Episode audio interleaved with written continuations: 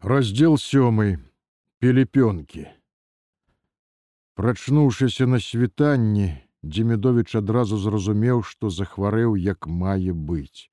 Цела ламіла ад знямогі галава была цяжкая бы чугун дыханне залажыла сухоты ці не а запаленне пэўнае падумаў ён.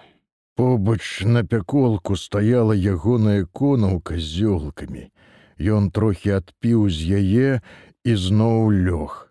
У хаце было ціха.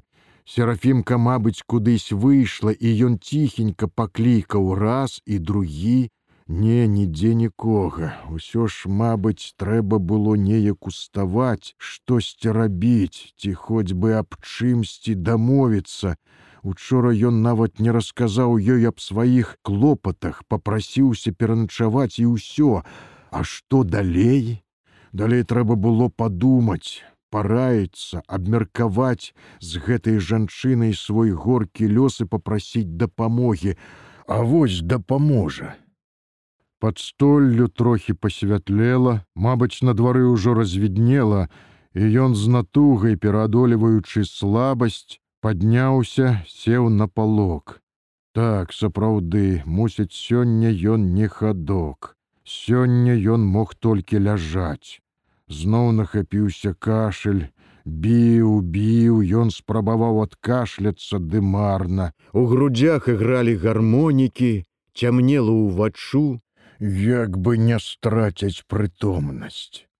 Толькі ён пачаў надзяваць мокрыя гамашы, як недзе зусім побач, здалося за вуглом грымнуў вінтовачны стрэл і зараз жа зводдаль жаласна заякатаў сабака. Дземедович скалануўся ад спалоху і толькі надзеў левы гамаш, як у сенцах стукнулі дзверы, і ён падумаў, што то серафіма, але некалькі крокаў там далі зразумець, што не серафімка, то паліцяжка цвёрда тузанулі дзверы. Ён з адным гамашом у руках выглянуў з-за печку і ўвачуў яго пацямнела. Цераз парог пераступіў, спыніўся, рослы белабрысы дзяцюк у расшпіленай вайсковай ватоўцы з вінтоўкаю ў руках. За ягонага пляча выглядаваў другі, з драбнаватым чарнявым тварам, у вайсковым з чорным аколышам, картузе на ўскудлачанай галаве. Дземедович здагадаўся, што, мабыць, гэта тутэйшыя паліцаі і адчуў, як нядобра закалацілася яго сэрца. О, і гаспадар завёўся, замест прывітання бадзёра сказаў першы, ці можа госць, дзень добры, добры дзень, няўпэўнена сказаў Демідович, дрыготкімі рукамі спрабуючы насунуць на нагу, сыры гразкі гамаш. У галаве закружылася і каб не ўпасці, ён опусціўся на ўслон. Месны ці прыеджы будзеш, зробленым спакоем запытаўся пярэдні. Яны абодва ўжо ўлезлі ў цесную хату і пасталі каля парогу. Ды вось, як бачыце выпадкам, няпэўна выцішнуў з сябе Демідович з натугай, надзеючы гамаш да цёткі да цёткі ага да серафімы рашыў да канца хлусяць демідович бо відаць гэта былі тутэйшыя іначай ім адказаць ён не мог. Значыць серафіма цётка дапытваўся паліцай А дзе ж яна тая цётка, цяжка тупаючы па дошках падлогі вялікімі гразкімі ботамі, ён прайшоў да грубкі, зазірнуў за печча. Ды кудысь выйшла, ціха сказаў Демідович. Так, так, з якой мэтай да цёткі раптам запытаў паліцай, спыніўшыся перад ім насупраць, надоўга. Ды так наведаць, сказаў Демідович камандзір, акружэнец. Яны ўжо абодва прыдзірліва аглядвалі яго змарнелую пінжаку постаць, затым той чарнявы ціха зазначыў: непадобна, гражданскі, мабыць. Да, гражданскі, утаропіўшы ў яго позірк дапытываўся першы, адкуль? З раёну, з вобласці Ды ну што вы хлопцы змяніў стрыманы тон дзімідович нельга ўжо родственніцу праведаць. Полацку я з полацку з полацку. Гляджу аднак быццам мне твоя фізія знаёмая настырчыўся першы. Як прозвішча?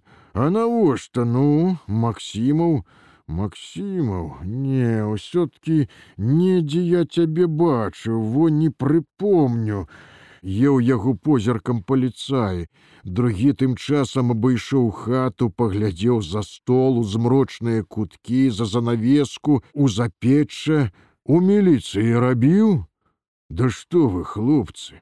Але дзе ж серафімка? Не страваў першы і праз уцалелую шыбку зірнуў заткнутае трантамі в акно Можа, карову пагнала, паспрабаваў Дзімідович адвесці іхнюю увагу на іншае. О, у яе ўжо і карова паявілася, здзівіўся паліцай, а то казанскай сіратой прыкідывалася.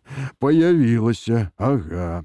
Тады паглядзім на выгане вырашыў першы. Ну дык мы не развітываемся, пляменнічык. Яшчэ пабачымся, запэўніў паліцай ужо ў дзвярах. Мусіць, аднак яны мелі іншую мэту гэтага прыходу і напаткалі яго тут выпадкова. Значыць, трэба было змывацца. Толькі куды? Застаўшыся адзін, ён зноў адчуў сябе блага, ледзьве насунуў у рукавы непрасохлы, сыраваты з учарашняга плашч, зноў сеў на ўслон і сядзеў так кашляючы і слухаючы, як ад натугі звініць у галаве. Ён думаў, што тыя зараз прыйдуць серафімкай і возьмуць яго, ці застрэляць на месцы. Каб ведаць такое, дык хоць бы дамовіцца учора з гаспадыні, што ён яе пляменнік ці брат, а то, На яго шчасце хутка на падворку затупалі ціхенькія крокі і ў сенцы ступіла серафімка. Дземідович падняўся з услону. Паліцаі былі, цябе шукаюць. У вачах серафімкі шаснуў цень страху і яна змянілася з твару. Ай божачкі! Схавай мяне куды загаварыў демідович бо зноў прыйдуць ай божачки зноў вымавіла серафімка і раптам падхапілася ад парогу. Хуценька хуценька ідзіце сюды я зараз зірну Яна выскочыла на падворак паазіралася і зноў ускочыла ў сені. Ідзіце сюды за мной во агародамі да тых кусцікаў Ён не пытаўся куды Цяпер яму засталося толькі спадзявацца на серафімку, у ёй быў яго паратунак. Хістаючыся ад знямогі, ён паклыпаў за ёй па сцежцы цераз гарод да кустоўе. Там ужо было якое-ніякое сховішча, і яна пачакала яго, узяла за руку. Вот туды, у лясок, там я знаю куды.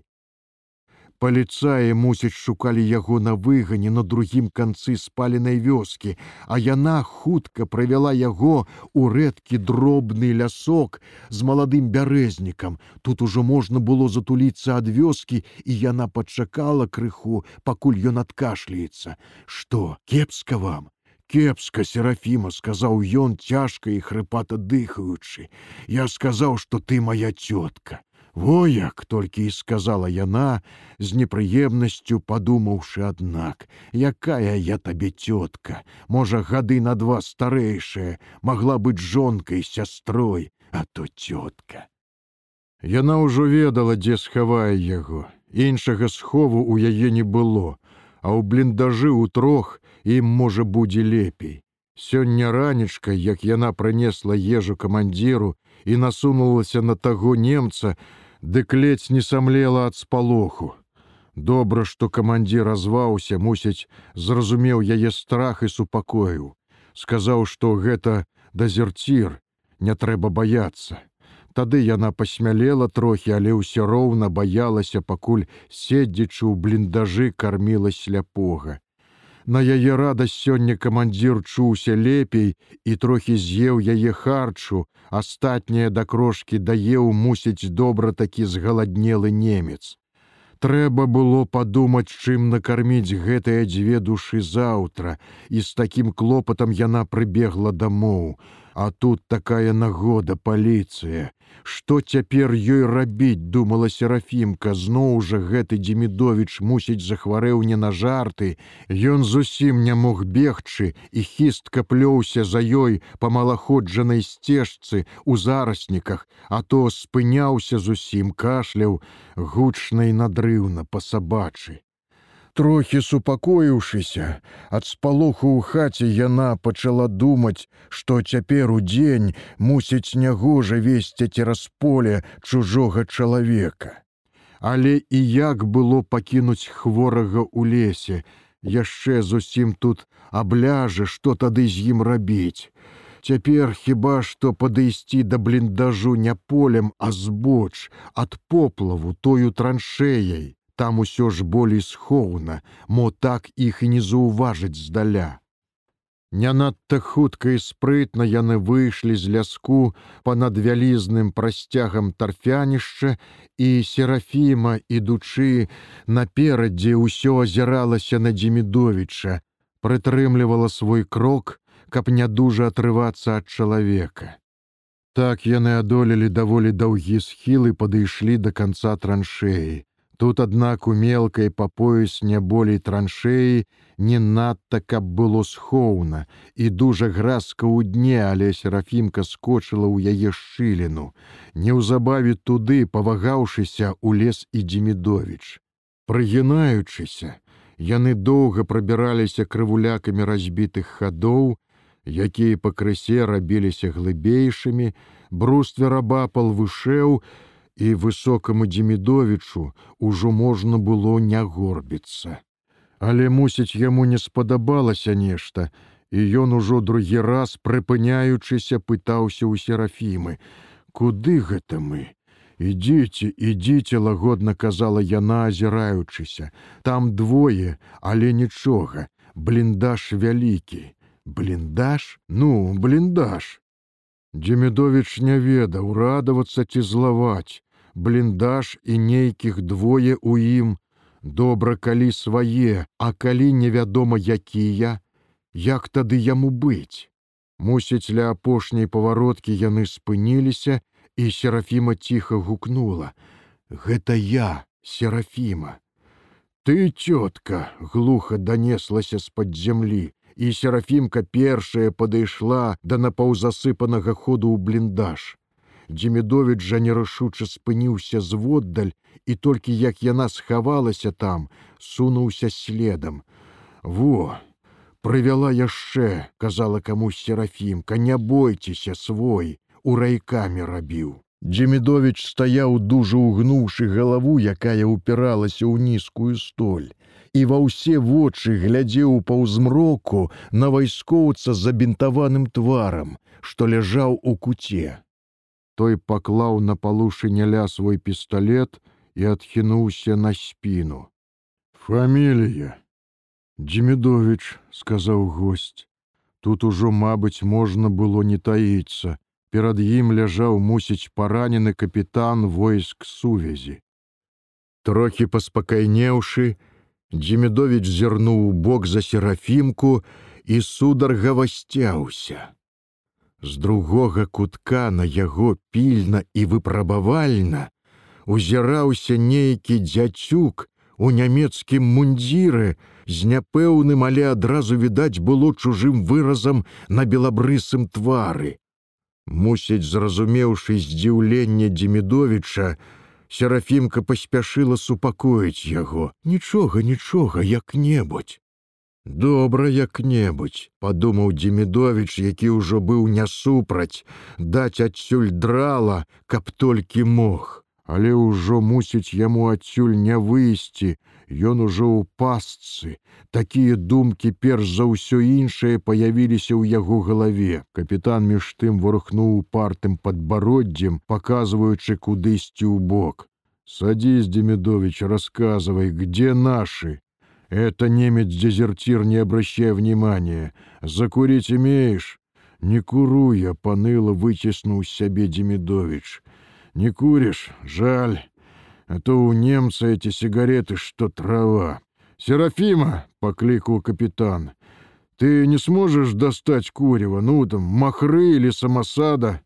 Табаки? Да где ж? Каб мужчина был. А ты постарайся, без курева тут погибель. Так где фронт не слыхать? А хто ж яго ведае?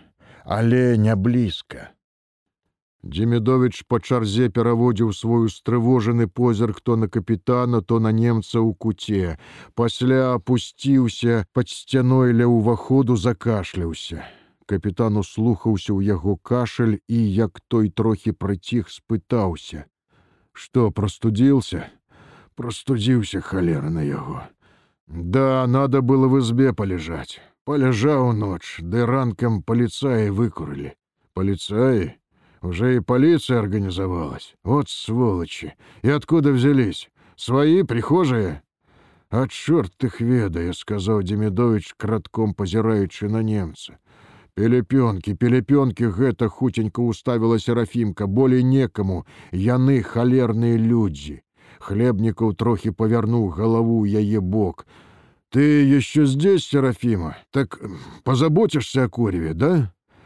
А ідзе ж дык не ведаю, ну пашукаю, дык я гэта пайду, вячэру ж вам трэба.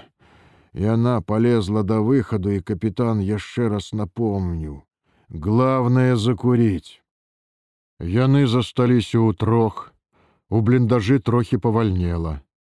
У грудях у Демідовіча зноў захрыпела, Ён паспрабаваў адкашляцца, ды дзе там, Мабыць, забіла ўсе лёгкія. Кашляючы кратком пазіраў на немца, які цяпер уважліва разглядаў яго і як ён трохі сціх спытаў: пневманія что аж спалохаўся дзімідович можа быць калі не горш сказаў ён і тут жа пашкадаваў знайшоў каму скардзіцца на сваю хваробу немец сядзеў пад сцяной расставіўшы калені з перапэцканымі ботамі на нагах На яго шырокай дзядзе з белай бліскучай спражкай грувасціўся вялікі чорны кабур. Мабыць, пісталетам падумаў Демідович. Чорт ведае, што робіцца, у якую пастку яго завяла серафімка. Але ж гэты капітан, ці ён не разумее усяго жаху становішча. Трэба было б запытацца ў яго пагаварыць, але, Дзімідович усё касавурыўся на немца, а раптам той разумее па-руску. Неўзабаве так яно і атрымалася, як ён наиболей баяўся. Немец, калі ён крыху суняўся пасля кашлю, выразна сказаў да яго: « Пнеўманія, немножко помагаль іх, я имель стрептоцит. Ён выцягнуў з кутку нейкую сумку, распіліў яе, пакалупаўся там і дастаў паперку, з якой вылушчыў белую таблетку. Браль, унтвасер, адзін таблет. Амаль са страхам у душы Дзімідович сядзеў насупраць, не ведаючы, як быць, узяцце адмовіцца. І капітан, нібы адчуўшы яго нерашучасць, сказаў: « Возьми, не обманет. Мне он глаза обработал, сразу гной течь перестал.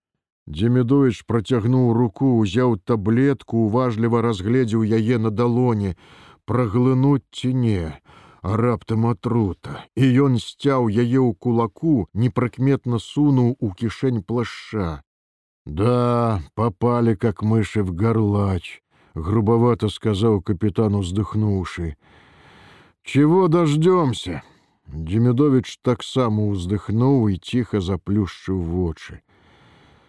Картела опуститься долу, скорчыцца, легче аддацца спакою. Але як было аддавацца спакою ў гэткай кампаніі, і ён сядзеў ля ўваходу, знямогла сочачы з-пад лба за немцам. Той доўга поркаўся ў сваёй сумцы, перабіраў медыцынскае начынне, скруткі бінтоў, бутэлечкі, пакункі, нажніцы. Твар яго быў заклапочаны сваёй увагай, на іх ён ужо амаль не глядзеў. І тады Дзімідович спытаў: « Мусіць, офіцер будзеце. Вас Не зразумеў немец, але за яго адказаў капітан. Не офицер, погоны у него какие, без знаков, а на рукаве что у него? На рукаве нашивка, нейкий вугольник, сказал Демидович. Вот угольник, значит, ефрейтор. Я-я, закивал головой немец. Обер-ефрейтор Хольц. Рабочий ці селянин будете, знов поцікавіўся Демидович. Арбайтен? Никс арбайтен, студент. А, студент. А батька кто? Отец. Отец у него профессор, сказал капитан. Мы вчера познакомились. Ничего, хороший немец, надежный. Демидович змоўчыў, так ужо і надзейны. Адкуль гэта вядома капітану? Хіба сам сказаў, але ён табе нагаворыць, перавязаў галаву, а калі ён шпіён, засланы сюды спецыяльна, Только вот сигарет прихватил маловато, поскардился капитан. Наверно, думал в плену разжиться. А у нас у самих в кармане вошь на аркане. Ну, курыва, мабыць, не самае цяпер важнае, думаў Демідович. Без табакі яшчэ ніхто не памёр. Ён во не еў з учарашняга, хоць у сумцы муліла з паўбоха на хлеба заставалася трохі і сала, але няёмка было цяпер тое выкладваць, а галоўнае дзяліцца з тым немцам. Лепш ён пагаладае, а там будзе відаць.